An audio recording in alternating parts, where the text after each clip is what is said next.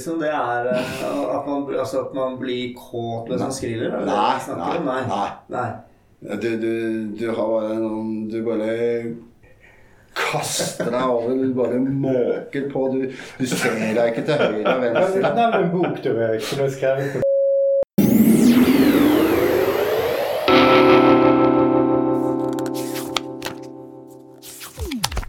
Kjære lyttere, medmennesker, medborgere og bokvenner. I denne episoden har vi valgt å legge inn en liten fotnote underveis i eh, praten. Og den kan du kjenne igjen når jeg sier at den kommer, og du kanskje hører litt annerledes lyd. Så gled dere til fotnoten. Kjære lyttere, kjære medborgere og kjære Jeg glemmer noen ganger hva jeg skal si. Jo, bokvenner, selvfølgelig. Dette er jo Bladpodden. Velkommen til en ny episode av Bladpodden. I dag skal det handle om romaner. Og vi har med oss Preben Jordal, kritiker og oversetter. Du er ikke gjendikter. Nei. Gjendiktning er jo en eh, mer pretensiøs kunst. Forbeholdt mer pretensiøse mennesker som gjendikter. Nettopp. Så har vi med oss eh, Sofus Greni. Ja, hei, hei. hei. Forfatter. Du debuterte i 2019. Ja, så gitt ut én bok, så forfatter og forfatter, det er jo en usikker terminologi. Ja, men da har er, vært det to, uenige er det to bøker, så er det ja, Det er det offisielle fra Forfatterrådet. Ja. Eh, eller Forfatterforeningen. Da tar vel de deg inn med åpen arm og sier nå er du kvalifisert. da. Ja, vel, hvis, Den hvis, nye ordningen er sånn. Den nye ordningen er sånn. Før var det to. Ok, jeg har ikke søkt det, så det, jeg tror jeg skal unngå det. Jeg tror ikke jeg har kvalitet nok til å komme inn. Så jeg bare Ja. ligge, ligge i bakgrunnen og hvile litt og vente på min tid til å skinne. Ja. Ja, Du er også litteraturviter. ja, jeg, har masse litt ute. Og til slutt har vi oss Ture Eglund, forfatter. Når er man forfatter, egentlig? Du er veteranen. Ja, når du har gitt ut én bok. Ja, er det så enkelt? Ja, det er som å bli far. Måtte, hvis du har født Ja, altså- Du har ikke født deg som far, men Nei, men altså, det, det er jo selvfølgelig Når er man forfatter? Det har noe med holdningen du på en måte merker som oppstår i deg når du har skrevet den første boken. da. Mm. Det er jo klart det er holdningen og liksom innstillingen og kanskje innse at eh, Oi, dette her, at jeg driver og skriver en roman, det har, kan forandre livet mitt. Det kan prege liv, resten av livet mitt. Men det er neppe lurt å kjøpe utstyret først. Ja, ikke sant? Skriv boken først. Ja, ja. Ikke kjøp hatten først. Nei. Eller alpeluen. Eller en ferie, Ja, du kan- ferie, Du kan kjøpe rødvin. Jo, men altså, det er noe med det å løfte seg litt opp etter året. og Det er klart du kan på, kle på deg alle attributtene, og så plutselig så er det magien som trer inn. At du har alpeluen og Ja. blazeren og alt mulig på plass. Og så, og så la... Skriveantrekket, er det det vi snakker om? Ja, det er helt det- er fysiske ja. utvendige. Altså maneren. Altså du går på en bestemt gå- måte i gata. Du, du hilser på kun utvalgte mennesker. Alle disse latterlige tingene som gjør at du kan bli forfatter. Og så blir du forfatter. Og det er det som er magisk med skriving. Altså, det ofte, det, fordi det er ofte så lite som skal til før ballen begynner å Men hva med de som gir ut en bok, og så da er de forfattere, men så trekker de seg litt? Slutter? Da er det som uh, Preben sier, at kanskje de da er for pretensiøse i det. Ja. Altså Oi, nå skal jeg lage det store verket. Fordi hadde, de, hadde de enda eh, fortsatt beholde den latterlige kledningen på seg, og den, og den litt sånn eh, De vet at de er litt fjollete, og så fortsetter de på en måte Ja. som gjør at det både er en spøk og, og liksom erfaringen av det store livsens under som eh, trer fram i dem, i, i og med at eh, de klarer å begynne å skrive på det ganske latterlige grunnlaget der, så kan det bli ganske fantastisk. Når starter du forfatterskolen i eh, Hvor bor du? Jan? Jeg bor på Vikersund. Forfatterskolen i Vikersund, når begynner det? Når den begynner Ja. Jeg ser meg med hånd. dere, vi, vi må videre. Vi, vi, vi skal jo egentlig introdusere, vi skal bli litt kjent. Jeg føler allerede vi er godt kjent, men eh, vi skal snakke om hva vi leser nå. Ja. Og det er alltid spennende. Så vi pleier å spinne blyanten. Ja, men du, det har jeg lurt på. Jeg må bare avbryte deg, Jonas. Kan vi bare starte med Preben? Ja, fordi det er noe sånn, Jeg sitter og hører på den bladpostkassen her, så jeg har tenkt på det så mange ganger. Må jeg høre på den der blyanten som snurrer, og så kommer det alltid en diskusjon Men hvor peker den egentlig? Og der har du blitt så veldig god, fordi du har blitt veldig presis på at nei, men det er det blyet som er nærmest som viser sånn. Men jeg tenkte kanskje vi skulle gjøre det litt annerledes. Skal ikke bare Preben starte i dag? Altså, dette, er, nå, dette kan bli en lang episode. Nå må, jeg, nå må jeg drøfte dette frem og tilbake. Men nå skal jeg gå inn meg selv og være litt fleksibel. Ja? Og si ja, nå starter Preben. Ja. Og, og så peker jeg på med blyant. Ja, blir så er det da er det gyldighet òg. Ja. Eh, For tiden jeg leser en biografi av Friedrich Hölderlin. Det er 250 år siden han ble født. Han og Beethoven har 250-årsdag. Så da leser jeg den i arbeidsøyemed, eller i embets medfør, for jeg skal skrive om den for Aftenposten. Aha.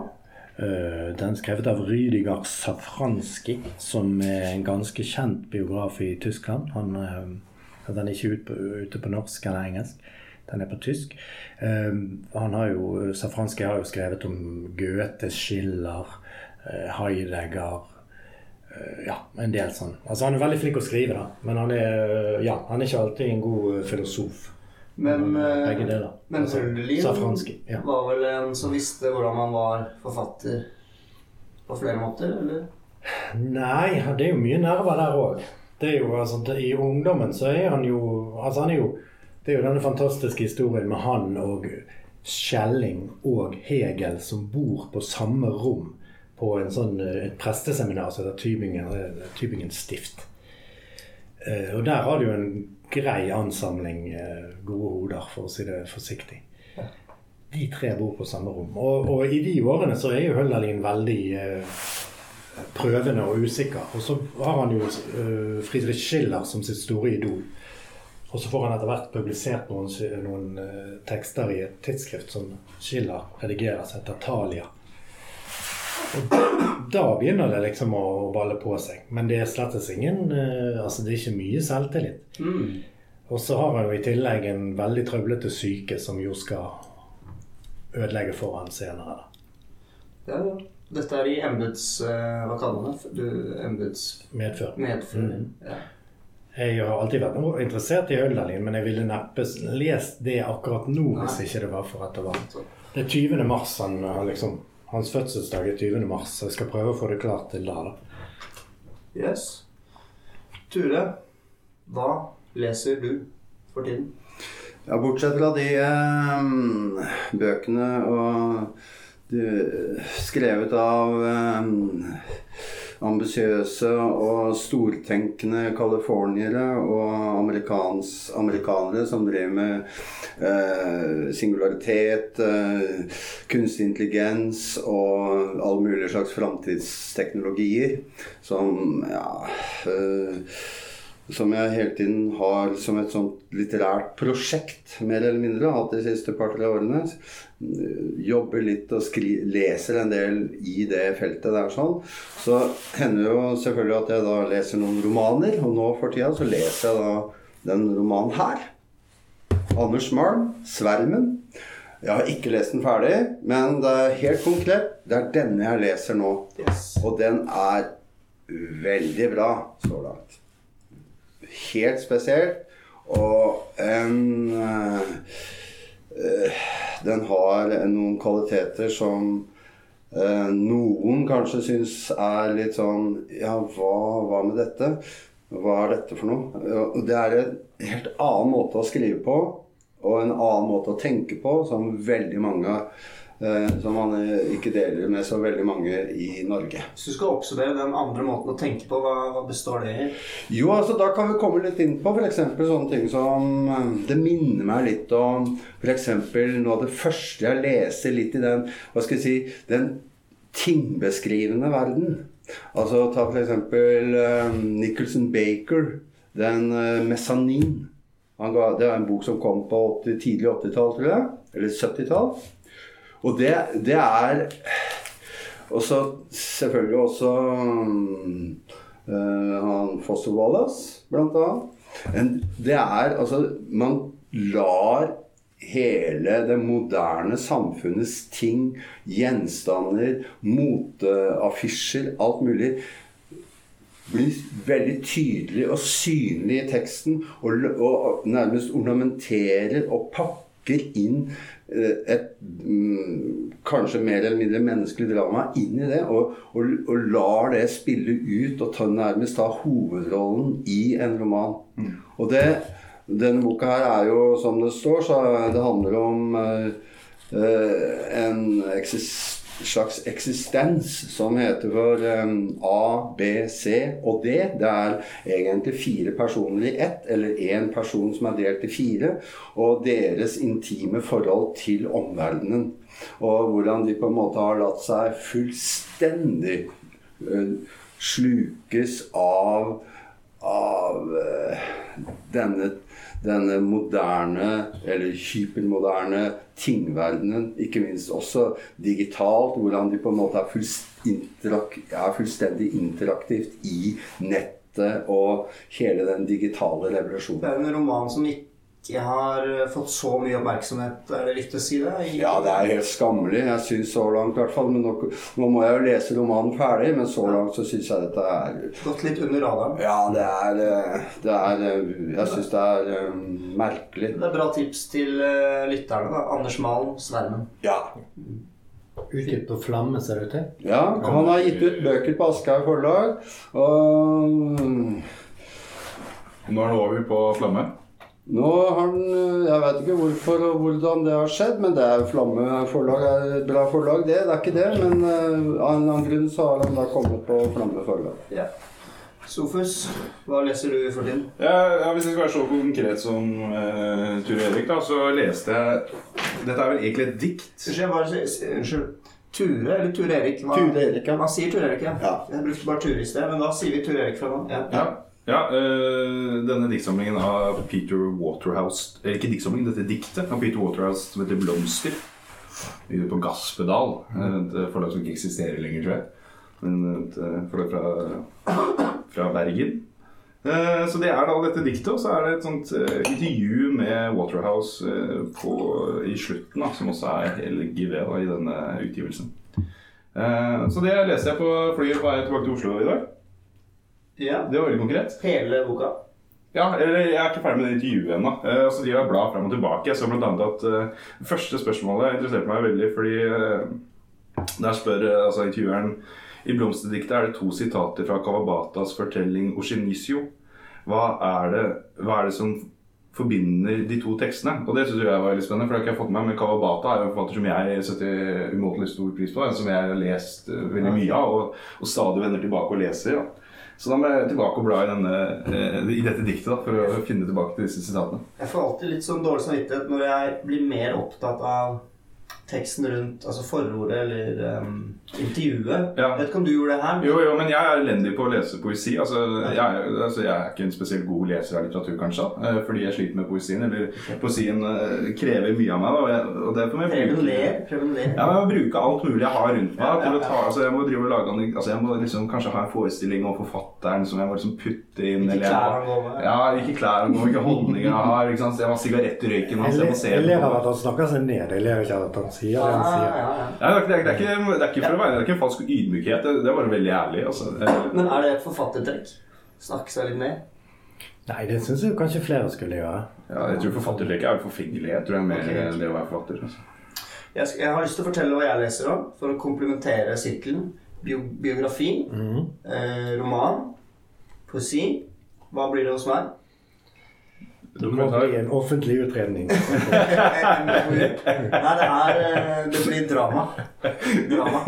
Fordi eh, jeg må, altså Det er ikke alle som liker det, men Amazon har et, eh, en app som heter Audible.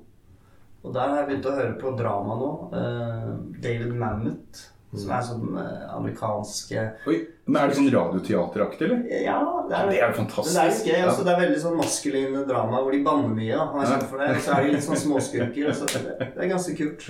Så mm, det er også en måte å, å, å Ikke, å vil ikke kalle det lesing, men få inn litteratur. Ja, jeg, jeg hadde så veldig dilla på når jeg fant ut at disse eh, radioteaterne som NRK hadde på 60-tallet De eh, finnes. Ja, de fins. De er tilgjengelige. Da. Nå liksom kan spørre de, og så kan du få det tilsendt av og til. og sånn da. Ja, Eh, ikke, og det er, på, ikke på appen. nei, okay. det tror jeg ikke. Du må liksom henvende deg. Og så hvis du kjenner, kjente en, eller kjenner en som har masse av disse liggende som digitale filer, da, Ja. som har sendt meg sånn i ny og ne, så jeg har noe å høre på. Og det er utrolig mye gøy. Ja, ja. Bare kort om den. Jeg, har, jeg kjenner jo en del oversettere, for jeg har vært jeg er jo oversetter selv. Og da er det jo eh, Eh, Han ene som har gjort mye radioteater, han sier jo det at det, eh, det særegne med radioteater er at hvis ikke du høres, så er du ikke i scenen. sant? Derfor må liksom sidekicken til helten, f.eks., han må si sånne ting som 'Jaså? Ja. Sier du det?' Ja, det er det mye av Sånn, litt sånn, for ellers er det jo ikke det. Ja. De kan ikke se deg. Nei. Ok, men, men dere uh, Ja, det, er, men det er det som gjør radioteater så herlig. Det er litt sånn der, Nå- Å ja, så sier vi det. Sånn, ja, sjef. Ja vel. Ja. ja. Nå er det du som kommer gående? At det der om, forklarende scenebeskrivelsene ja, Vi kunne, nei, nei, vi, vi kunne, Jeg vi kunne fortsatt om radioteater. Det Vi skal snakke om romanen. Ja, var det ikke det? Ja, det var det. var- Stemmer det. Vi skal- Altså, spørsmålet er hvorfor roman? Spørsmålstegn. Det kan tolkes på mange måter. Kan tolkes, skal, hvorfor skal man skrive romaner? Eventuelt oversette dem. Hvorfor skal man lese romaner? Er romanen viktig? Hvorfor? Skal jeg svare? Skal du starte? Skal jeg starte på det? Ja. Skal du sette, lage grunnlag her? Ja, altså det er jo naturligvis viktig på så utro... Altså det er viktig på så mange måter. Men for å gripe tak i en liten flik av denne av det, så er jo det at du i Den er kanskje viktigere enn noen gang. Nettopp fordi eh, vi lengter sånn etter sannhet og fakta og etterrettelighet og alt mulig. Og i romanen så er jo Vi har muligheten til å kultivere oss i hvordan vi skal eh, ljuge og bløffe og lage fiktive verdener. Ikke sant? Det er noe av det gr mest grunnleggende. Det er på en måte så, Det er det eneste sted jeg veit om dyp, som, hvor vi har liksom en, en frihet fullstendig uten å måtte skjele verken til det ene eller det andre. Det er lite begrensninger. da. Ja, altså det er, det er, vi må, det det er nesten eh, som vi må tilbake til middelalderens karnevaltradisjon. Det er jo snakket om altså én dag i året så må folk eh, få spille ut rollene sine. ikke sant? De må, de, må, de må på en måte leve ut i en fiktiv verden. Eh, en fiktiv verden hvor det ikke er eh, eh, Hele tiden så er det krav om ja, det er nød, det er, det er matmangel, det er arbeid, det er slit, det er drama i livet. Et sted så må vi på en måte ha det rommet. Men Betyr det at du mener at litteratur som legger seg tett på virkeligheten, eller som har som mål altså virkelighetslitteratur, Ja. det er å kaste bort muligheten litt? Ja, lite grann. Ja. Du, altså naturligvis eh, du, på, Kanskje på en mer effektiv måte så kan du underminere det. Det kan du gjøre. Men eh, akkurat det elementet der sånn, når du leser f.eks. Ja, kritikk og omtaler av en mengde sakprosabøker, alle, alle de meningene, alle de synspunktene, alle de uttalelsene om verden som vi hele tiden nå omgir oss med, blir, der blir vi hele tiden fora på at det må være riktig. I en verden av løgn så blir det viktigere. Ja, og så kan man jo si at romanen er en sjanger. altså det, det er liksom den moderne sjangeren nettopp fordi at den kan ta opp i seg alle de andre sjangerne. Mm. Altså essaystikk og dramatikk og komedie, alle disse her, altså lyrikk. Også, du kan også få plass til dikt eller sanger i en roman. sant? Alle, den kan romme alt. Ja, Inni den eh, romanen jeg har med, så er det jo også utdrag fra avisartikler. Det er kryssordformer. Det er litt sånn diverse ting som skjer her. Mm. Jo, men det er jo poenget, poenget med det er jo da at det, det blir satt i en kontekst som gjør at du ikke Du kan ikke begynne å prøve å etterprøve uh, sannhetsgehalten i det. Nei. Men det, det, romanen på den måten lager, former sine egne strukturer og sin egen sannhet som er motivert innenfra romanen. Slik at du lager en falsk, men fullstendig ekte verden. Det er, det, er, det er grunnleggende viktig. Altså. altså det er mange, Vi kan snu på flisa kan vi si at det er mange romaner som er dønn det det er helt sant. Det er helt forståelig. Det er helt gjenkjennelig. Og alt stemmer på, med hensyn til beskrivelser av byer, gater, mennesker. Men det hjelper ikke, fordi man har ikke klart å så, eh, lage til den selve den strukturen som gjør at det, det, det blir eh, sant, ikke sant. Mm. Det hjelper ikke hvor mye sannhet og faktainformasjon Allikevel så blir romanen falsk, ikke sant. Men dette er jo Hva slags sannhet er det, da? Jo, det er eh, Altså, det er jo da forskjellen mellom sannhet og fakta, da. Ja. Altså, ikke sant? Det er jo det er en tilsynelatende en liten forskjell, men den er helt vesentlig. Nå er det jo veldig mye eh, sakprosa også som blir forsøkt skrevet på litt sånn romanaktig vis. Det er i hvert fall et inntrykk. jeg har. Og det er jo ofte eh, problematisk. Altså hvis, hvis den som skriver, ikke er flink nok til å skrive, da får du en litt sånn eh, burde, Skulle egentlig skrevet en slags roman. Det endte opp som en litt sånn døll eh, levnetsbeskrivelse av en eller annen Altså, det, det, jeg tror det vi snakker om altså, Eller det vi i hvert fall jeg snakker om, er jo at, at eh, altså det må leve i språket. Sant? Ja. Og, og, og det er vanskelig å få til, ikke minst. Sant? Altså det, er der, det er da du kan begynne å snakke om det, de tingene du snakker om. Sant? At det er sant på en uekte måte, eller det, Ja. ja, det, det er oppdiktet, men det er sant. Ja, altså det Fordi når, både som leser og også som skriver av dette her, så opplever du jo Ok, det Verden forrykkes, kan du si. Den, eh, og den reetableres. Ikke sant? Vi kan, vi kan, vi kan uh, bruke f.eks. noen analogier fra den naturvitenskapen. Ikke sant? Vi har nå f.eks. Uh, livsformer som baserer seg på karbon og oksygen, f.eks. Men det er mulig, det fins visstnok mulig å lage at det uh, fins livsformer, kanskje på andre planeter, eller i helt ekstreme situasjoner på jordkloden, hvor det er svovel og, og andre komponenter som er utbyttbart med uh, Som er bytta ut. da og hvor, hvor, hvor du da klarer å lage et, eh, livs, en livsstruktur. ikke sant? Og noe av det samme bildet kan du bruke på romaner kontra sakprosa, egentlig. Og det, hvis du klarer å liksom lage den eh, lage, forfølge, eller følge etter den forflytningen, så vil du da se disse sannhetene ikke sant? En, som da fins i en roman, i en god i en god eh, fortelling. altså Ja, for Det fordrer jo litt at, roman, at det er en god roman vi snakker om. Ja, ja, ja. ja, det, er jo, ja det er jo hele poenget. Altså, det er jo, Men det er vel ikke, men det er vel ikke, speiler ikke virkeligheten av romaner som skrives. Uh, så la meg ta en helt annen inngang på dette med å skrive hvorfor roman. Så kan man også si at uh, man er jo litt uh, halvt tosk og halvt forfengelig hvis man gidder å skrive romaner. I den forstand at hvis man gidder å ta et steg og få en roman utgitt, så tenker jeg sånn Da er du, da er du, da er du mer tosk eh, og forfengelig enn eh, noe annet, tenker jeg. Hvorfor det? Jo, fordi eh, det å skrive er noe vi alle gjør. Altså For å skrive liksom handlelister eller dikte for oss selv, det er en sympatisk handling. Det, kan være for å huske, det kan være for å dikte, det kan være for å leve seg inn, for å tegne opp sitt eget verdensbilde.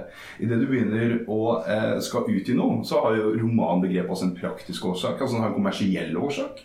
Det heter roman fordi at det er lettere å bli kjøpt inn på innkjøpsordninger, for at det skal selge mer. Og så kommer man jo til den innsikten som romanfattere ofte gjør etter hvert, at eh, du kommer ikke til å selge noen særlige bøker. Og hvis du skriver bøker som ikke er på bestselgerlistene, så skriver du ofte bøker som kanskje har en litt annen litterær kvalitet enn at den eksempel er spennende og meddrivende og, og bruker en rekke eh, etablerte litterære klisjeer som gjør at lesere kan ta dette inn uten å bruke spesielt mye energi på det, som gjør at det passer seg til å lese når man ligger på stranda. da. Og hvis man ikke skriver bøker som egner seg til å lese når man ligger på stranda, så blir du ikke rik, du blir ikke berømt. Du lefler av gårde i sikkert tiårsperioder med å skrive utarbeidet forfatterskap som til slutt er en liten gruppe som leser. Eh, Du får kanskje noen forfatterstipender som er en minste årslønn som du prøver å orientere deg på, på disse skrive, eh, mens du skriver siden av. Og så liksom skal du Du har ikke noen pensjonspoeng, du har ikke noen sykepenger. Og så kommer det en eller annen kar, i Ivar Gant f.eks., og skriver et syleser om forfatterskapet ditt etter 20 år. Han er nyutdanna, så han vil jo bare markere seg, så hvorfor ikke ta, ta Ture Erik Lund? ikke sant? Han er jo en bauta, så la oss eh, sable ned han litt, så jeg kan få en posisjon i dette litteraturverket. Og så dør man jo. Og så står forfatterskapet igjen, og så kanskje hvis du er heldig, så får du virkelig gleden som jeg tenker liksom, som, for, for meg da, som fatter, så er liksom virkelig gleden Den er jo om 100 år, da. Er det, kom, er det relevant ennå, da? Kommer noen til å lese de bøkene jeg har skrevet om 100 år? Og hvis ikke, ja, da har jeg vært en tulling. Da har jeg kasta Ja, men- livet mitt på å skrive bøker som ingen ville ha. Hæ? Det var triste greier. Bare løfte- det er litt synd på dette. Jeg vil bare løfte frem et sitat her. Den virkelige gleden er om 100 år. Ja. Ja. Nei, men det du beskriver, er jo naturligvis litt depre... Er ganske er deprimerende. Det er for jævlig, La oss si det rett. Ja, nei, men altså eh, Altså Men så har vi det som. Nei, men- Nei, kommer håp på han, da. Ja, ja, ok, Ja, Ja, nei, oss men være altså, det Noe av det viktigste er å du, du, du jeg, jeg kan følge deg langt på vei, men det du egentlig beskriver, det er en utside. Altså det jeg da Ja. snakka om, var innsiden av hva skrivningen som sådan er. Ja. Altså, eh, det finnes sikkert noen der ute som eh, har skjønt det du snakker om, og som bare skriver, og så driter i alt som heter for publisering, forlag. Det, kanskje det fins noen der ute som skriver kun for seg sjøl. Mm. Og leker og eksperimenterer og lager seg et ordentlig, helt ordentlig og konsistent bra liv kun ved å, ved å gjøre disse, disse tingene for seg selv. Og ikke tenke på det å bli lest. Ikke sant? Og da, det, det, er jo, det er jo den situasjonen vi må se, se liksom skrivinga. At det, er, når jeg til og med Jeg har jo gitt ut en del bøker, men det er mange ganger så Når jeg skriver, så tenker jeg Jeg tenker faktisk ikke på at dette her skal gis ut. Det, det, det høres veldig rart ut. Nei, men det er jo sånn tanke som kommer alltid i etterkant. Er ikke det? Ja, Det sånn, altså, ja, men altså når du er når, Fordi selve skrivinga Da må vi gå helt konkret inn i selve skrivinga når du sitter der og skriver. Uansett, så hvis du skal ha i det minste et lite håp om at du skal ha sjøl noen glede av det, Ja, så har du, da du, sjøl fanga i den teksten. Ja, det- Og da må du se hele det spillet her innenfra sjølve skrivningen. Og øh, noe annet nytter ikke. Nei, men det er derfor jeg synes det er interessant, fordi det er jeg jo helt enig i. Altså, altså, den eneste grunnen til å skrive altså, når faktisk, det, sette, det å sette seg ned og skrive noe, det, jo, det, jo, det er jo helt privat årsaker. ikke sant? Det må være forlystelse altså Man har et eller annet behov for å gjøre dette. Men jeg synes det er interessant når vi, tenker, når vi tar det steget videre til at vi bestemmer oss for Når vi sitter med et manus og bestemmer at jo, men dette her, dette, dette skal angå noen andre òg, dette skal jeg offentliggjøre på en eller annen måte. Og der tenker jeg i, fra, altså, Det er et skille der, da. Når man liksom fra går, altså, man går fra liksom å ha altså, det private, det man sitter og skriver, selve økten, eh, gleden, frustrasjonen, sorgen, håpet, alt det som måtte, det måtte romme. Og så når dette er ferdig for det er, hvis dette er sagt på publisering er alltid ferdig. ikke sant? Det er ikke noe som skjer mens man skriver. Det er der jeg jeg det er interessant å ta det valget der. da. Eh, selvfølgelig, Du får jo litt penger i lomma, sånn, så det er jo digg det. Spesielt, Jeg sparer jo til egenkapital, ikke sant? til bolig. Jeg må jo skrive en ny roman. Det har en praktisk årsak. Ikke sant? Det er ikke noe annen grunn Nei da. Ja, nå ble jeg litt sjokkert. Ja, nei, nå driver driver jeg og kødder. Ja. Som alle skjønner, så er dette da Nå spøker jeg litt, da. Ja. Jeg kan uh, skyte inn at dette er jo noe av problemet med å være kritiker, f.eks. For, for det, du vet om begge de sidene der. Sant? Mm. Du vet om at her sitter det et menneske som gjerne har holdt på i ni år med denne ene romanen, og nærmest skjelvende overrekker det til et forlag, som jo tenker eh, kroner og øre. Sant? De ga ut de to første diktsamlingene dine i håp om at du snart skulle skrive en roman. Nå kommer romanen. Sant? Det er jo romaner man skal skrive i dette landet. Det er jo åpenbart. Det, altså, det har jo vært åpenbart i 100 år. Og så skal man da som kritiker vite om disse tingene. Sant? Og så skal du likevel behandle dette som et, et kunstprodukt som er eh, sett gjennom av fem voksne mennesker, og at det skal, holde, det skal, stå, det skal tåle vann. Det skal i hvert fall eh, ha en viss egenart og, ja, og helst være bra utført. Og så må du avveie da hvor mye man da skal altså, Så er det kanskje ikke så bra. Men det, det er noe med Altså, det som egentlig er et kjempeproblem nå, har jeg hørt og har jeg skjønt, det er det at det, akkurat det å sitte ni år aleine og sitte og skrive, og så skjelvende leverer det til et eller annet forlag. Det er det ingen som gjør lenger. Man 20, det er mange som eh, skriver 20 eller 30 sider, og så mingler de på et eller annet sted, og så kommer de til Kanskje de godprater med en eller annen forlegger, og så, ja, og så blir nesten altfor mange romaner til pga. et sånn et interaktivt system mellom forlegger, kritik, eller, eller eh, kanskje venner også, men først og fremst redaktør på forlaget som syns vedkommende er en kul og fin type, ser ålreit ut, eh, har skrevet noe om eh, sjølskading eller eh, noe greier, og så har et, tem, et tema som liksom eh, treffer, og så er liksom hele det der gruppe, Ja, men Hva, hva, gruppeseminaret hva gang. heter en sånn roman om selvskading man kunne hett hvis man skulle lykkes i dette? Arr. Arr. Maskinen. Nei, men den har, også, Ja, men den, altså, den, har en, den har en jeg og du-tittel. Altså jeg et eller annet, Ja, du. ja, Du altså, er ikke sånn men som meg. Eller, Akkurat den Du, Jeg er kanskje jeg er gammeldags, men jeg, jeg, jeg syns det er faktisk er det er noe av det helt vesentligste. Det er at du faktisk sitter aleine i i hvert fall et halvt år, et år, og prøver å skrive noe. Og der kommer tålmodigheten og disiplinen inn. Ja. Ikke nødvendigvis at du skal ha sånn veldig arbeidsdisiplin, men du skal ha disiplin og ikke la folk lese for mye. Du må, du må kunne albue deg det lille rommet, og så må du være tøff nok i hodet til å komme med det til slutt. Sjøl om det kanskje kan vise seg å være aldeles latterlig, og ingen syns at det er bra, så må du våge det spranget. Altså. Og det synes jeg altså, fordi, altså, Noe som jeg syns er liksom, liksom er veldig sånn definerende for min, når jeg går i gang med å skrive, er dette som jeg synes får, utrolig stor glede av, er selve dette bare dette å skrive. Altså det bare rett og slett eh, Ikke at eh, liksom hva, om det som er skrevet, er så bra eller ikke. Det er noe jeg aldri bryr meg om når jeg skriver. hvis jeg holder på med et eller annet. det er Men selve det der med å sitte og liksom Og den følelsen når man går da fra, fra arket eller fra en laptop Den følelsen av liksom, liksom Fader, nå har jeg liksom har jeg utrettet dette. Det har vært en bra dag på en eller annen måte. Altså, det, altså, det gir også en slags menings, altså, det gir ja. mening til hverdagen på en eller annen rar måte ved å sitte for seg sjæl og Og drive og hamre ned på tastaturet. Og jeg syns Eh, altså Kotsi, altså den sørafrikanske forfatteren, han har noe sånn det sier det utrolig fint. Han, han blir intervjua i en eller sammenheng, jeg tror det er eh, da han fikk Nobelsprisen eller noe slik. Og så er det en utrolig sånn essentrisk journalist som snakker liksom bare It's glorious to write, it's glorious to write. Og, og Kotsi er en veldig kjølig, ganske arrogant mann, tror jeg. Så han sier bare sånn veldig rolig There's nothing glorious about writing. Og så sier han ikke noe mer, da. Så sier han ikke noe mer, og så til slutt så spør intervjueren da, ja, men hva er det for noe da? Og så sier han bare det er industri. Og så har han en lang pause igjen, og så sier han men det er noe utrolig gledesfylt med industri. Altså, og det kan jeg kjenne meg igjen. Altså, med selve industrien av det. Altså, det, det, liksom, altså, det er Men litt da er jo industrien glorious. Ja, men nei, for den er ikke storslått, men den er, den er nøktern. Den er, altså, den er liksom systematisk, nesten. da.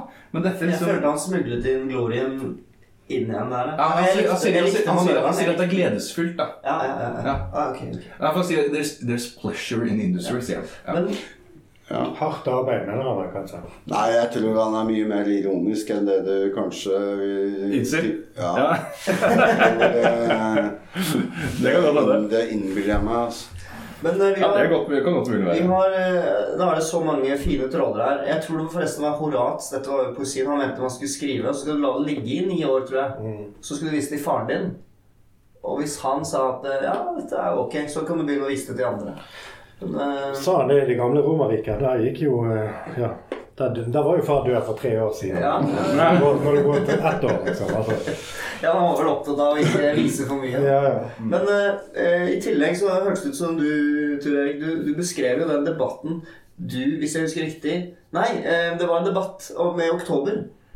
Forlag for ikke så lenge siden. Uh, om glorifisering av forfattere. Ja, det var, jo ikke, var ikke du involvert i den prøven? Jo. Jo. Ja, jeg følte at Ja, ok, Der er god, ja. Det er vel flere år siden? ikke det? Nei, jo, det var to i fjor sommer. Ja, ja, ja. Altså ikke i fjor, men i forfjor ble det Ja. det. Altså at det er et maskineri, da. Kanskje som du sier, Tor 20 sider. Og de, de eh, altså forlagene har jo Nesten alle de store forlagene har jo egne skriveskoler. Ja. Pluss at de eh, nærmest støvsuger disse forfatterutdanningene. Sant? Har du en fem, et femsiders eh, utkast, så får du gjerne en lunsj, liksom. Ja. Da, da er du i gang. Altså, jeg, jeg, jeg, det, altså, det er dessverre litt riktig det, det Tor Erik sier. Altså. jeg, skal, jeg, jeg, jeg skal snart levere et utkast til et forlag. Hvor langt har jeg kommet? Om selvskading. Ikke eh, Det holder jeg hemmelig. passe på at du Det får god lunsj. Er. Det er ikke helt feil. Men jeg har ikke kommet langt. Eh, Det er ikke, altså jeg følte meg truffet der. Ja. Men jeg gikk i Tromsø forfatterskole. Jeg gikk ikke i Vikersund eh, forfatterskole. Nei. Hvor lenge venter man der? Man var mye ute der. Jeg har eh, vært eh, Men jeg, av forskjellige årsaker Ikke vet jeg hva som er Det er sikkert eh, saklige og gode grunner for det, men jeg har ikke blitt brukt så mye som lærer på Det er sikkert fem år siden jeg Da var jeg faktisk i Tromsø. Ja, jeg husker det fordi jeg leste Du skrev et forord eller etterord til Ja. en av antologiene. Ja. Ja. Og da, hva var det jeg skrev om der? Og det husker jeg ikke på stående Det var om nødvendigheten av å isolere seg. Ja. Var det ikke det? Det var vel noe der Det var litt Ja. kritisk, rett og slett, til Ja, altså, det er, eh, å skrive, bare teste ut ting og at eh, Ja, du må isolere deg, fordi det er hele yin-yang-prosessen i, i den litterære kulturen som er så grunnleggende viktig. Og apropos Vikersund skriveskole, jeg var jo i eh, Odda med Ture Erik. Og fikk han til å lese opp en del fra uh, mm. i Odda, på litteraturfestivalen i Odda. Da satt det en god del studenter der fra uh, akademiet, altså i Bergen, Skrivekunstakademiet. Og de, sa, de sto jo etterpå med bakoversveis. Så hva faen er det vi holder på med, liksom? De, altså, jeg tror de fikk en vekker, eller jeg håper jo de fikk en vekker, noen av de der. Når du, altså, når du møter den eh, altså, det er, det er nok fordi de altså, det er nok for å skåne de fra deg at, de, at du ikke er så mye Men apropos eh, romanåpninger. Åpningen av Grøftetildragelsesmysteriet er jeg veldig glad i. Ja. Det er der han gråter, er det ikke det? Jo, ja. Står rett Flott åpning. Det er verden låter det. Men jeg har lyst til å eh, Altså, ja, er roman viktig? Eh, Man kan ljuge, kultivere en, en litt annen form for sannhet. Man kan, og romanen kan ta opp i seg andre sjangre. Er det andre grunner til at romanen er viktig? Ja, altså når jeg begynte å snakke, det var Ja, ja, ordet ble først gitt til meg, så visste jeg Ok, det, det, ble, det, er, det er liksom et gigantisk svært teppe som blir slengt mot deg, og så prøver du å kave deg litt frem i det bildet. Absolutt. Men så er det jo nødvendigheten av at eh, det er et øh, Altså, det, det, er, det eneste sted du kan eh, med Du kan eh, være de for, du, kan du kan spille ut de forferdeligste og de mest guddommelige ting. Det er, det er nødvendig Det er eh, rent sånn eh, Hva skal vi si eh, ytringsfrihetsmessig så er romanen grunnleggende viktig. Fordi det er det eneste sted, i hvert fall per dags dato, som jeg veit. Til og med ikke på teater engang kan du gjøre det, altså tror jeg. Kanskje du kan lage scener på et teater som minner litt om ja, Du har jo hatt f.eks.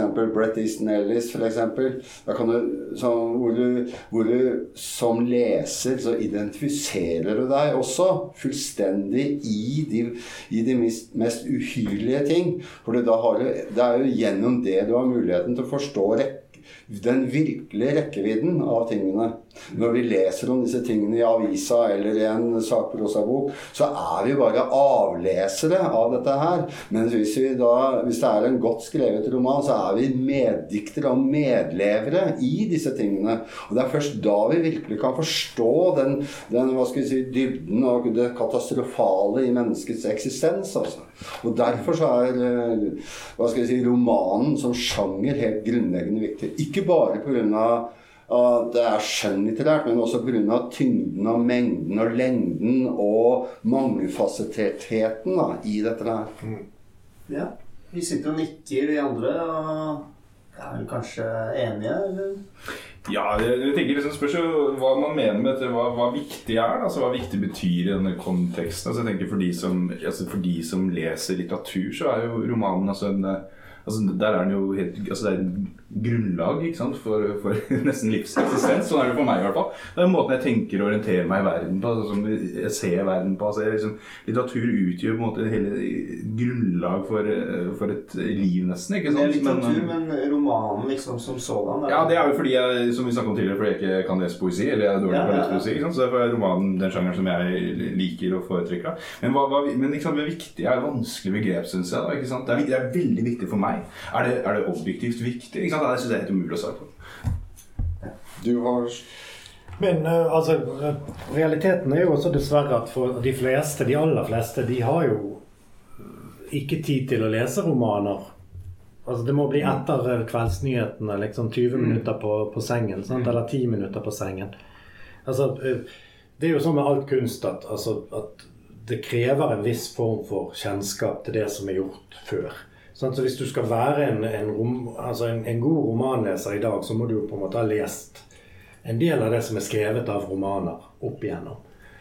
Og da er jo også romankunsten kommet dit hen at det er nokså krevende å, å holde følge. Sant? Å lese det beste av det beste i dag. Det krever sin mann. Sant? Altså, vi er jo heldige nok til å øh, jobbe med dette. Ja, for, så Det krever jo liksom en enorm er erfaring som leser for å kunne også Jo mer erfaren du er, jo mer får du også igjen da, for å lese litteratur. Men Mens, mens en vanlig leser, sant? de vil heller ha formellitteratur. De Ja, vil heller ha, ja. altså, de vil heller ha Jo Nesbø, sant? som er liksom snedig og, og godt klippet til. Og, altså, eller ikke- Lucia Riley, som er veldig nye store også. Ja, ja, er formler og gjenkjennbare mønstre. Og, og fordi at du har ti minutter før du sovner Ja. hver dag. Sant? Men det òg er jo romaner. Ja. Jo, men altså, vi må kanskje også trekke inn ett opplegg her som er ganske viktig her. Det er altså Hva er lesing? Altså, det er egentlig bare noen uh, Dette er jo ingenting. Altså ser du en, Hvis vi ser på denne romansiden her sånn, og så tar vi den romansiden her sånn, så ser det helt forbløffende likt ut. Rent sansemessig. Ja. Altså, lesning er Hva er det for noe? Det er, det er rett og slett uh, indre bilder. Ikke sant? De bildene du får, de, de forestillingene du får. Det jeg nå har som bakteppe, eller baktanke, det er jo da filmen, selvfølgelig. Filmatisering. Altså dokumenta dokumentasjon på ting. Og det er bilder som blir lagt på oss. Vi kan selvfølgelig også assosiere og bygge tilsynelatende videre på det, men det er jo, da har vi allerede fått en ekstremt sterk føring på hva, hva formen og innholdet og alt mulig skal være. Det som er pointet med romaner, det er at dette her er egentlig kun noe det er, det er du som leser som produserer alle disse forestillingene. Og det er det som gjør at romanlesning per se er en det er, en uhyre mye mer kreativ og kultiverende kraft og egenskap for mennesker, liksom. Men hvorfor er romanen da Er den mer kreativ og kultiverende enn novellen, f.eks.? Nei, nei, nei, nei, det er ikke der. Det er ikke der. Skjønner. Det er mer Nei, litteratur. Ja, men altså, du, har, du får tidsaspektet i romanen. Ja, ja. Ja, som, hvor, det, hvor du Ja. eh, når du kan, eh, I en måned i strekk så kan du befinne deg i Marcel Prosts verden. ikke sant? og, du, slipper- og du slipper ikke unna. ikke sant? Og det, og det er der eksempel er interessant og, ikke sant? Vi har jo alle sett uh, likhaugene fra Auschwitz. ikke sant? Dem har vi jo dem har vi sett. ikke sant? Men så leser du Kelters, for eksempel. Så får du, du får noe du skjønner at de bildene du da får, det er dine egne bilder. Og så samtidig så Fordi det er bilder som også er på en eller annen merkelig måte spettet med humor midt oppi dette her. En slags sånn en absurd, vanvittig humor. Og er, da, da blir jo det bildet uhyre mye mer komplekst og kanskje sannferdig, hva veit jeg, enn de, bild, de rene fotografiske avbildningene og filmene av løslatte Auschwitz-fanger, f.eks. Så hele, hele mekanikken i romanlesninga er sånn sett ufattelig viktig. Og det, og det, mens f.eks. en sakprosabok ikke vil kunne nå inn der fordi selve sakprosaen som rent språklig, den, den graver ikke så dypt inn i sinnet vårt i hvordan vi er med, altså medskapere av teksten. ikke sant? Og så er det vel den eh, setningen som er blitt populær å si nå, at TV-serien er den nye romanen. Men da tenker man vel mer på den kanskje posisjonen og som tid ikke tidtrøyte eller Ja. spenning, eh, kilde til spenning. Kioskroman. Ja, det er vel mer sånn, Ja, mm. Kioskromanen.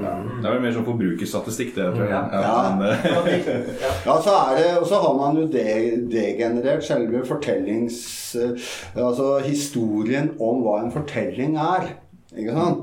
Altså, det er, det er, det er, det er bare, det er bare Hva skal vi si Disse seriene er kanskje Jeg har jo sett ikke altfor mye, dessverre, men jeg har sett noe.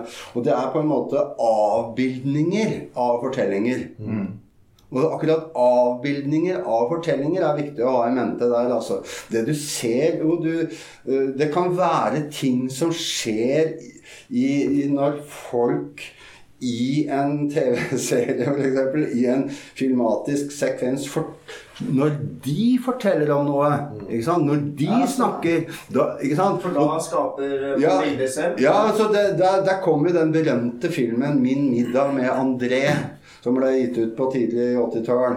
Som er en sånn eh, eh, Egentlig bare en lang Jeg ikke Er den filmen norsk? Nei, nei, nei. Det er en eh, Men er det ikke det hadde vært fantastisk hvis den var norsk? Nei, det er en helt annen film.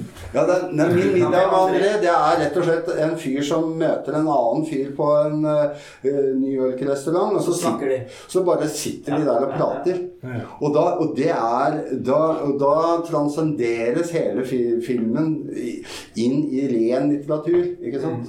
Ja, ja. Jeg blir inspirert av å høre på dette her.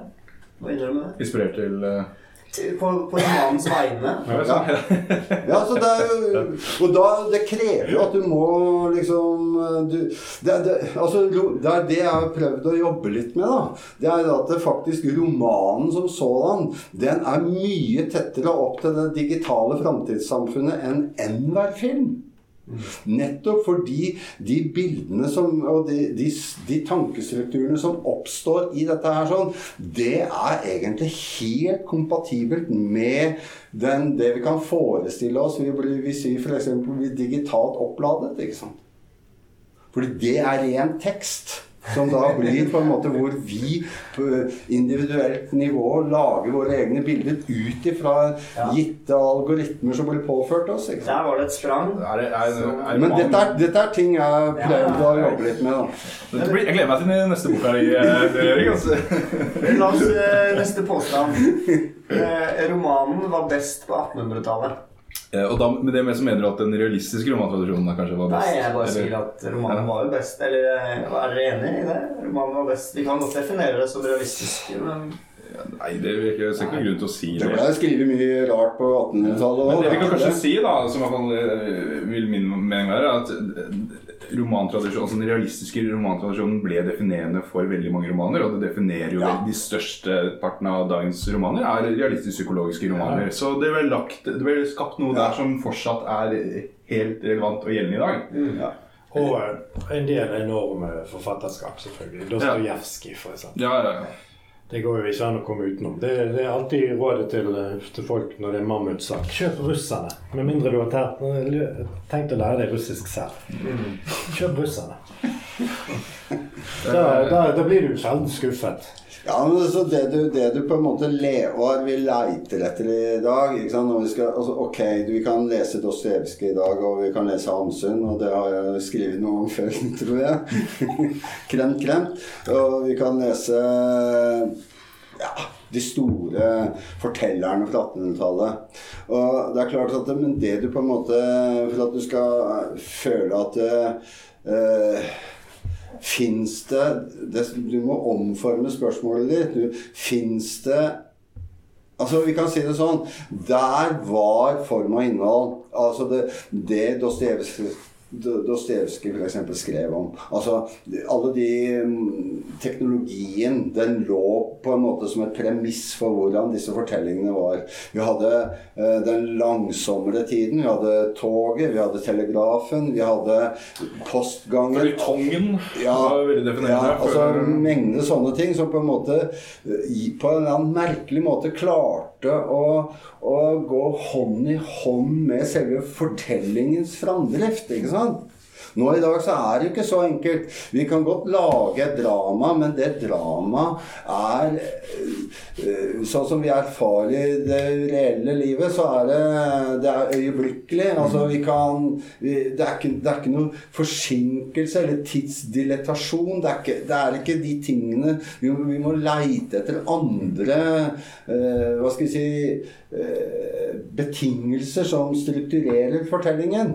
Og da, da må vi gå etter, eh, etter de eh, romanene. Det er veldig mange romaner i dag som blir skrevet som om det er lagd på 1800-tallet. Mm, det er et veldig godt poeng. Og der kom jo han eh, Anders Malm inn som ganske ja, Så langt jeg har sett, så ser han det. Han er, han er levd inn i akkurat dette her. Og, det, og det strukturerer romanen. Og da er det veldig lett å si at ja, det, det er da en Ut ifra de klassiske normene så er det en dårlig roman. Altså det er den hva, hva, hva er dette for noe? Ikke sant? Det har ikke tydelig plott, det er ikke tydelig karakterer, Ja, det er altså, ikke har- dramatisk utvikling. Altså, Ja, du har disse seks punkter i sånn klassisk amerikansk storytelling. Ja. Det må liksom være med. Jeg selv så har jeg vært veldig opptatt av dette som skjedde altså, på 1950-tallet i, i Frankrike. Altså, Ja, med altså, Nyromanen, altså bruddet. Altså, synes jeg, eller, nyroman er jo egentlig ikke et begrep, da, men alle disse forfatterne begynte å tenke i linjer hvor de var litt lei av nettopp denne tankegangen som lå til grunn for romanskrivingen. Da, ville prøve å ut, eh, prøve, altså, finne nye former for å skrive på. Da, og da du, fikk du jo forfattere som, som Michel Buto, Nathalie Surot, eh, Alain Robillé osv. osv. Claude Simon, ikke sant? Og, og der skjedde jo veldig mye spennende. Og de skriver jo veldig forskjellig, ikke sant? men de har det til felles at de prøver å unngå den liksom klassiske tanken om en fortelling. Da, ikke sant? For det er kanskje det vi egentlig snakker om som ligger til grunn i Ja. Jeg er litt bekymret for at, uh, at det skal skje med romanen som har skjedd med poesien. At den har blitt, fjernet seg litt for mye fra folket. For det er litt kult med romanen nå, at den fortsatt har den derre Iblant så kan den treffe skikkelig, da. Mm. En, god, en god roman som også har appell i uh, Hva skal vi kalle det? De som har investert mye og kan romankunsten, også liker den. Og folket liker den. Jeg liker at det iblant kobler. Det skjer ikke så ofte lenger med poesien. ikke sant? At Nei. Den har fjernet seg litt. Det skjer det av og til. eh, Ja, vi må, vi må, jeg, jeg er redd for at vi, jeg, vi, vi, vil- vi vil vel ikke at romanen også skal bli en, en litt sånn fjern sjanger.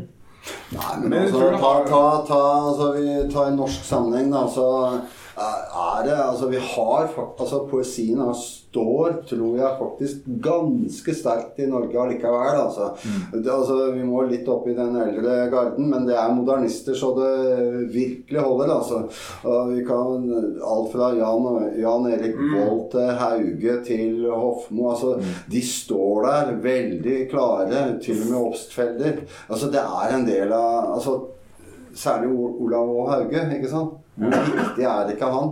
Ikke sant? Og Jan Erik Vold. Altså, så jeg er ikke sånn voldsomt bekymra. Altså. Nei, så tenker jeg Preben, var det Nei, bare kjør du hvis du er i gang. Uh, nei, jeg bare tenkte på dette med altså, Dette har jo også noe med at, liksom, at fjerne romanen seg fra folket. Altså, eller, eller slutte folk å lese. For jeg, altså, jeg tenker kanskje at det er mer tendens at folk leser ikke i samme grad. Altså Bestemoren min har jo et svært bibliotek. altså Hun leste jo mange timer på ettermiddagen.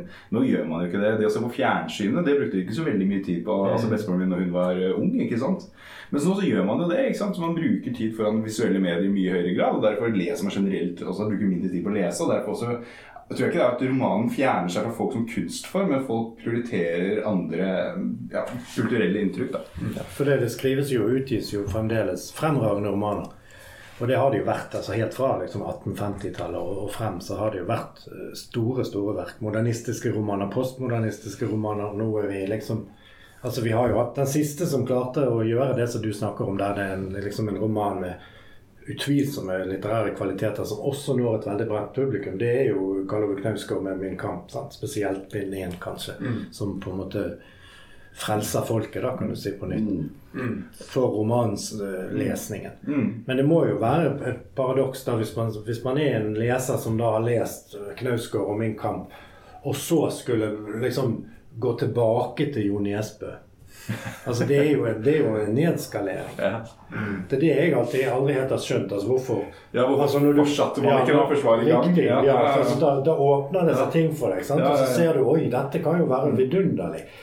Hvorfor ikke da liksom Ja. fortsette i den retningen? Jo, men der har du den typiske avskallingsteorien. Da. La oss si at eh, jeg vet ikke hvor mange titusen eller hundretusen som leste. Ja, det var veldig mange.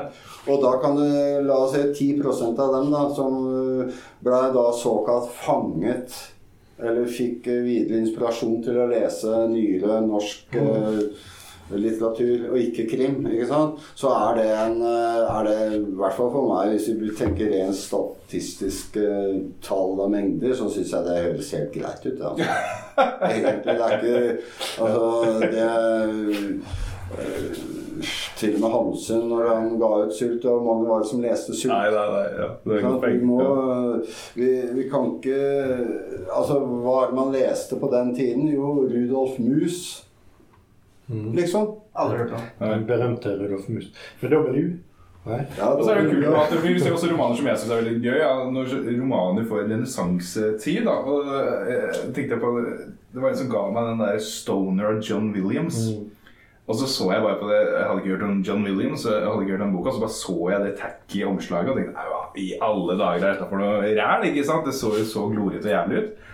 Jeg ble helt sjokkert da jeg leste den romanen. Fantastisk flott. Og da var jeg så glad for å høre at liksom, dette her var jo, den boka hadde gått som hakka møkk. da. Altså Vanlige folk eh, som ikke leser så mye til vanlig, hadde liksom lest denne boka, og liksom den spredde seg. da. Og det er jo, det er, Da tenker jeg da er det bevis på at romanen fortsatt har en appell. altså Det er bare liksom, litt sånn vilkårlig når den klarer å bryte lydmuren inn til liksom, en større leserskare. da. Du har jo sånne som hun Elsa Ferrante, Ja. for eksempel. Altså, hun blir oversatt på nynorsk, altså. Ja. Ikke sant? Og det er mange, mange som leser det, altså. Mm. Så det er ikke en Jeg ble sittende og tenke litt på han Rudolf Mus. Jeg ble, det var en forfatter som er glemt, men ikke hos eh, Preben. Jo, jo, det jeg bare Erik. tuller.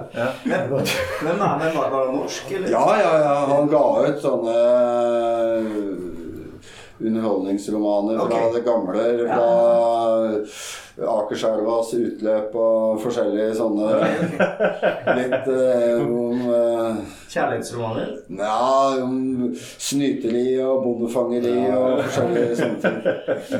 Ja, Han var sikkert rik og berømt på sin tid. da. Men, eh, Nei, men uh, han hadde en stor produksjon. Ja, ja. Neste påstand. Ja. Den har jeg stjålet av uh, Tone Selbo. Hun har en bok 'Hva er en roman?' Ja. Og kjenner til den. ja den, den, hva er serien? Ja. Ja. Og eh, hvis jeg husker riktig, så Hva er, hva er serien? Ja, Ja, hva er det? hvorfor? Ja. Du påstår at alle romaner dypest sett er en kjærlighetsroman. ja, Det er litt for soft.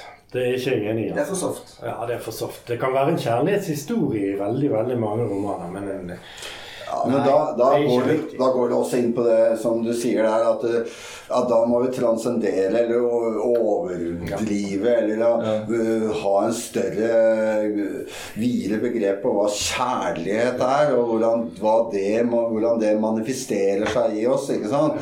Det er jo mange som sier for eksempel, ikke at sex er kjærlighet, da, men det er jo f.eks. noen romaner er skrevet med Liksom. Enkelt og greit. Det er, bare, det er egentlig bare en vanvittig kjønnslig utsondring, egentlig. En lengsel. Altså, du kan, og etter og kjærlighet også, for den saks skyld. Men du kan jo skrive om, eh, om å stable pappesker på et lager. Så er det liksom Hvordan du gjør det, så kan det være et uttrykk for noe. Men da begynner vi å bli litt sofistikerte på den tolkningen. da. Ja, kjære lytter, velkommen til denne fotnoten. Eh, Ture Erik, eh, vil du utdype her i denne fotnoten hva du egentlig snakker om her? Ja, det kan jeg gjøre. Det jeg mener, er at eh, man som skjønnlitterær forfatter så skriver man alltid Ikke alltid, men veldig ofte med, også med kroppen. Eh, det vil si at skriften tar Skrivingen og skriften tar preg av de følelsene og de eh, idiosynkrasier og de forskjellige ting som rammer en som et helt menneske i det man skriver. Og det kan være utslag av ja, alt fra smålighet til begjær til, eh, til det, det store, vidstrakte spennet av menneskelige følelser. Det, det blir brakt inn i eh, skri sjølve skrivingen og skriveakten, men blir gjennom det omforma i et eget drama. Ikke det at forfatteren nødvendigvis er preget av dette her i så voldsom grad, men han har i hvert fall nødt til å spille seg gjennom det for å la sine hovedpersoner, ikke minst, eh, ta preg av det. Slik at man som forfatter må leve seg inn i dette her. Og en eh, norsk forfatter, Tormod Haugland, ikke ukjent, han har også sagt det, at en forfatter skriver med kroppen. Eh, Det er jo veldig tydelig og enkelt, i motsetning til en sakprosaforfatter som skriver mer eller mindre cerebralt. Altså en sakprosaforfatter vanligvis, som jeg tror det er, må tilstrebe å være litt nøktern i forhold til disse tingene der. Eh, Hvis man er i kontakt med kroppen og følelsene, smålighet som du nevnte, det likte jeg forresten veldig godt. Um, vil, men vil ikke da alle hovedpersonene på en eller annen måte være forfatterens kropp? Ja, du kan si det også stikk motsatt. Altså, det er jo det er en skjønnlitterær eh, aktivitet, for å kalle det det. Og det forteller også noe om at selve skrivingen er noe mer enn bare skriving. Det er en eh, total aktivitet i hodet, i kroppen. Altså alle de tingene må fram. Altså for at du skal kunne virkelig leve deg inn i de situasjonene som du har latt eh, både deg selv, hvis du skriver i første person entall f.eks., eller i du disse tingene må inn i teksten. Det er jo det er jo kanskje det billigste grepet, eller knepet, i å gjøre en tekst levende. Men det er dermed også det mest basale og det mest iøynefallende grepet man som forfatter må i hvert fall kunne håndtere. Så kan man da være snedig på andre ting igjen. Det, det er klart. Og det å skrive med kroppen er jo selvfølgelig eh, Det spiller jo da nærmest ikke noen rolle hva slags kropp du har. Altså kroppen kan være menneskelig. Den kan være av ja, begge kjønn. Den kan være det eller det eller det. Alle mulige seksuelle og i, alle mulige typer identiteter. Men kroppen, den kan også være noe mer. Kroppen kan også være nærmest et teknologisk fenomen oppi dette her. Så det, det, er bare for å antyde det enormt store spennet som ligger i akkurat det å skrive med kroppen. Særlig fordi vi nå for tida har en tendens Vi har gjort det mulig for oss som menneske å spre oss ut i alle mulige situasjoner og posisjoner og identiteter. Slik at kroppen, den litterære eller den litterært framstilte kroppen, den kan ha uendelig mange eh, slagsider og eh, variasjoner. Og der kan jeg jo nevne den boka f.eks. til Anders Malm. Den er et veldig godt eksempel på hvordan kroppen må omdefineres. Da som, som et slags mystisk, eh, kollektivt eh, jeg-hybrid, for å kalle det det. Vi kan jo si det motsatte. Kan vi si at alle som skriver eh, litteratur, alle som skriver, da, at de uttrykker en kjærlighet til litteratur. Ja, men det blir det er, den, er, den, er, den er ganske svett, altså. Men jeg er jo glad i klisjeene, vet du. Ja, ja, ja. Det er trangt rom, dette. Ja, det er litt trangt rom, altså. Jeg ble, så, jeg ble så gira av liksom den sexpraten din. da. Ja, Jeg måtte bare hive Du meg kan, si det, du kan omformulere og si at det må være eros i, i en verden. Ja, det kan du si. Altså begjær og, og etter ideer eller kjærlighet eller altså en begjær og lengsel og negativitet. Eller altså Ja. forsøk på å fylle opp den negativiteten. Det kan du si. Men at det er en kjærlighet, så, det er litt for enkelt. Ja, Da kan vi begynne å snakke om hva kjærlighet er. Jo, det er egentlig et Da blir vi slags merkelig tomrom som fins inni deg selv, som du søker å fylle. da. Ja, ja. Og gjennom virkelig vi forstår. Eller fyller for andre. Ja, og, det, og det er, da er skrivningen og lengselen etter å fylle det tomrommet Da må du bruke språk. altså Du må bruke noe som står for noe annet for å, for å liksom få da, da, kan du, da kan du spille ut kjærlighetselementet i dette her. da. ja. Men å skrive med liksom, det er eh, at man, altså, at man blir kåt mens man skriver? er Nei, om? nei, nei. nei. Du, du, du har bare noen Du bare kaster deg over, du bare måker på. Du, du ser deg ikke til høyre og venstre. Nevn en bok du er er skrevet på Har du et eksempel? Ja, det, det er jo Altså, et par-tre av Thomas Bernhards romaner har en det, det, altså, Vi kan jo begynne å snakke om bøker med vanvittig driv, da. Ja, ja, ja. Altså, Vi kan også ta Celine. Altså, vi kan ta Men Krever det unge forfattere, eller kan det være alle De må være potente, da, kanskje. Ja, men du må på en måte Det en metafor, Ja, ja, ja. ja det er Men jeg fikk litt kjeft av redaktørene i, i Ja, ja. nå, fordi vi, jeg, jeg hadde lyst til å samle et eh, som han heter All Male Panel. Bare Ja. til å snakke om romaner. Ja, ja, ja. Ja, så da kom Even inn og bare sa dette her går ikke, Jonas. Nei, men de, var, de, de stilte meg noen kritiske spørsmål, da. Det var lurt. Men eh, jeg, mente det var lurt. Eh, men når vi snakker om kan, kan kvinner skrive tilsvarende Ja, selvfølgelig!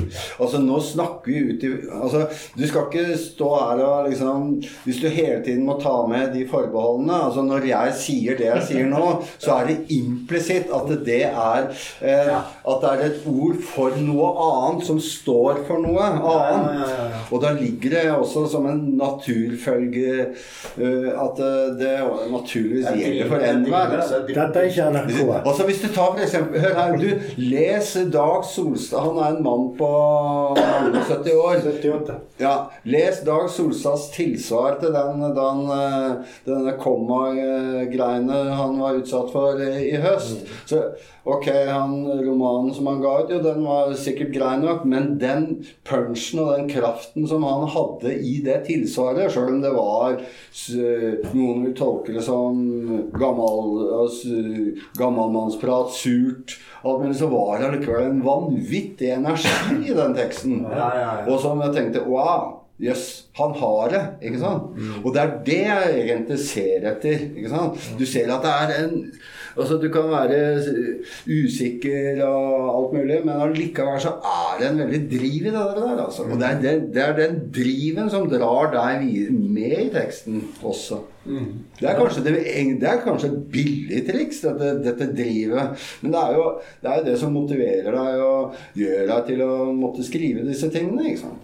At det er nødvendig å skrive dette her. Det er drivet som er, det, det er det som gjør det at det er nødvendig å skrive det. Men ja, nei, Hvorfor ler vi? Hvorfor ler vi?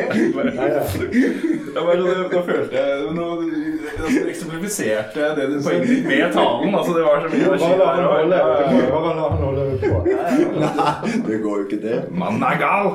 Det er herlig. Men eh, eh, eh, Skal vi se Sofus, du har gitt ut en roman. Mhm. Tor Erik, du har gitt ut uh, La meg tippe. Nå skal jeg tippe. Det er morsomt. Hvor mange romaner har Tor Erik gitt ut? Jeg vil tippe åtte. Men jeg vet ikke. Hva tipper dere andre? Jeg har gitt ut flere romaner. Det er flere romaner. ja. Jeg tror, men det er, vet du det. Det er i hvert Jeg tror fall det er ti. Jeg tror i hvert fall ti. Ja, på mange måter, Poenget mitt var i hvert fall at det er, det er en eh, mengde Preben, du har oversatt en del romaner. Ja.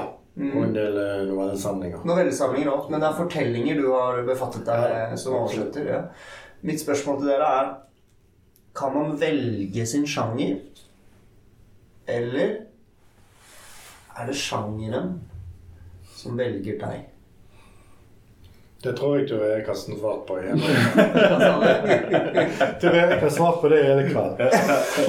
Nei, men er, jeg syns ofte det er et kunstig skille nå, i hvert fall. Du har den klassiske novellesjangeren med et sånt uh, poeng på slutt, liksom. Ja. Altså, men eh, sånn rent teknisk så er det ikke så voldsomme forskjeller mellom en roman og en novelle, f.eks. Det er nå i hvert fall min private mening, nærmest. da.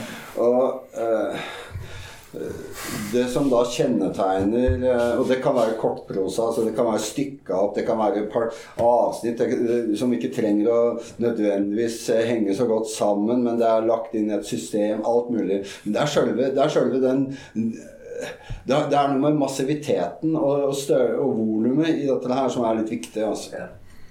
Det er jo blitt mer og mer vanlig å, å, å kalle det roman, men skrive da noen sånne korte brokker. Det er gjerne, vanlig. Ja, gjerne med egne overskrifter òg. Ja. Altså sånne små skisser.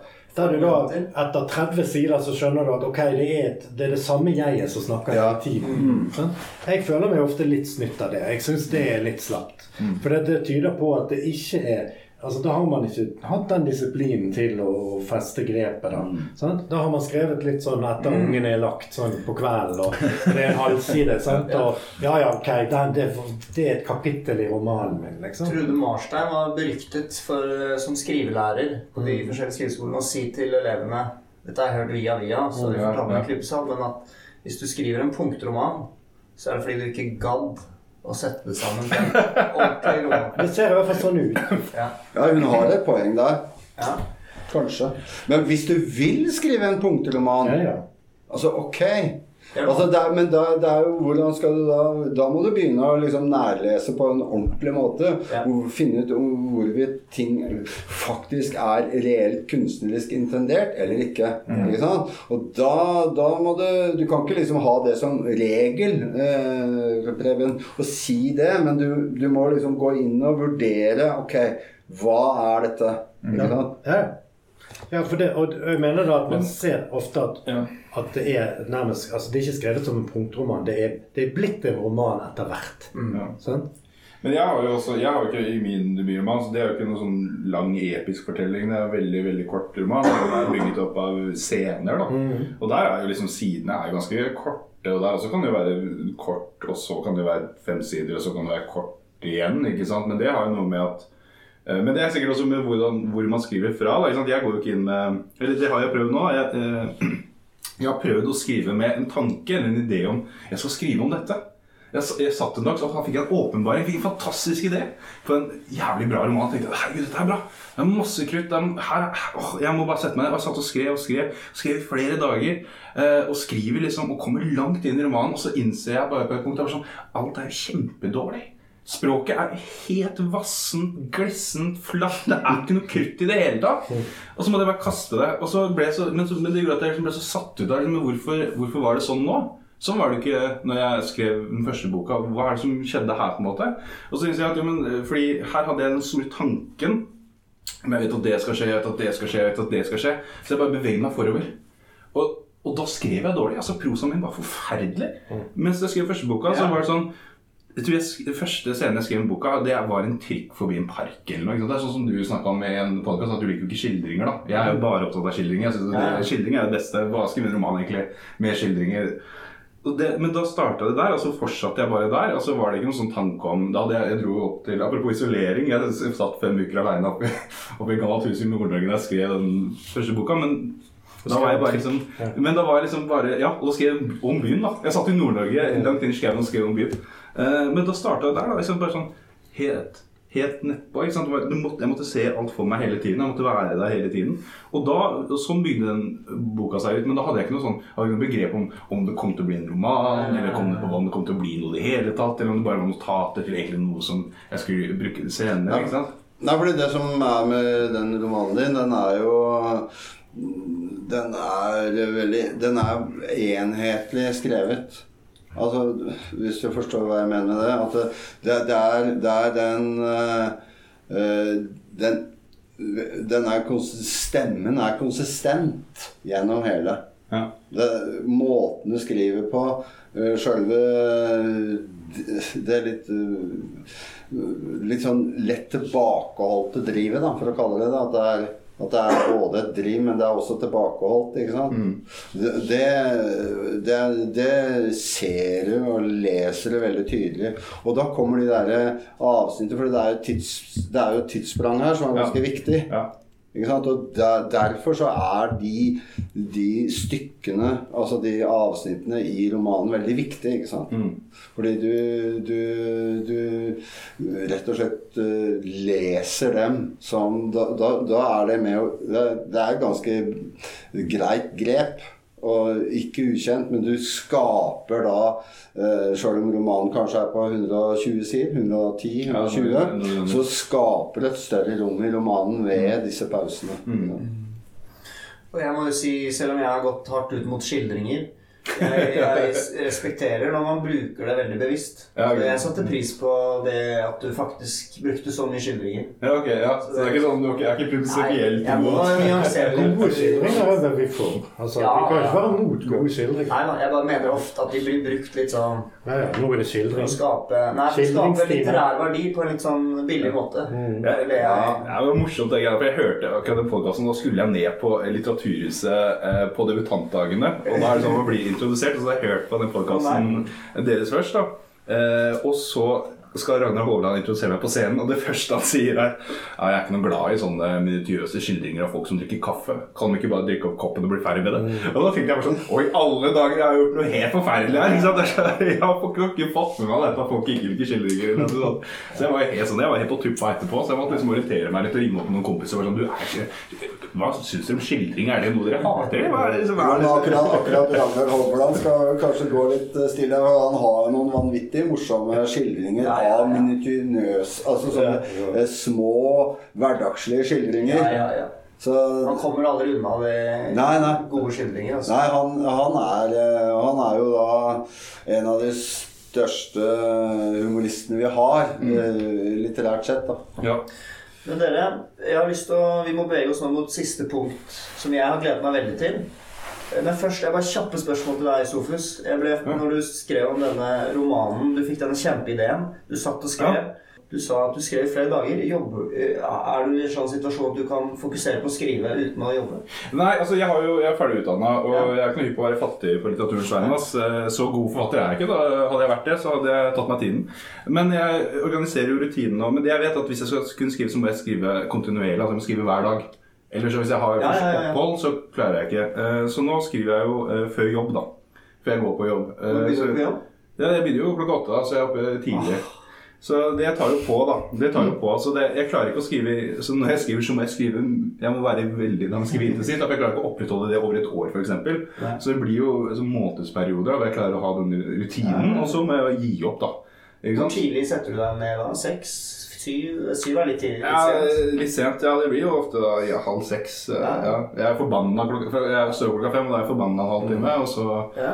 løsner det etter hvert, da. Lever med drømmen. God morgen, Sofus. Ja. Ja, ja. Det, det andre spørsmålet var du sa at du kastet det. Ja. Betyr det at du faktisk slettet Word-dokumentet? Nei, nei. du eh, nei. Du bare forlot det. Jeg bare forlot Ja, det. Jeg kasta ja, det ja, ikke. ja. Men altså, jeg printa det ut på en kopi da, som jeg satt og leste, og det kasta jeg fysisk. Ja, ja, ja. Eh, men det var litt søppel, da. Det fortjente å være det. Ja. Så, sånn er det bare.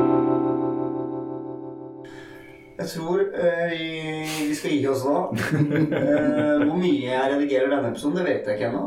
Men jeg vil gjerne takke dere for uh, utrolig mange gode bidrag. Tusen takk til Sofus Grønning, Preben Jordal og Ture Erik Lund. Ja, takk for besøket. Ja, var takk for å være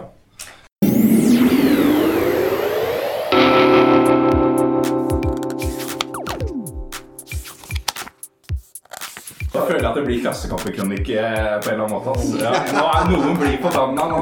Faen, han som eier. Nå har du kjørt oss. Helvete. Da hopper vi til favoritt science fiction-roman. Jeg, jeg, men jeg, jeg skal følge den logikken til bladet. Jeg vil ikke miste min makt i litteraturfeltet, som jeg har bygget opp nå. Du bør jo si først hva det er. Hva skulle du si?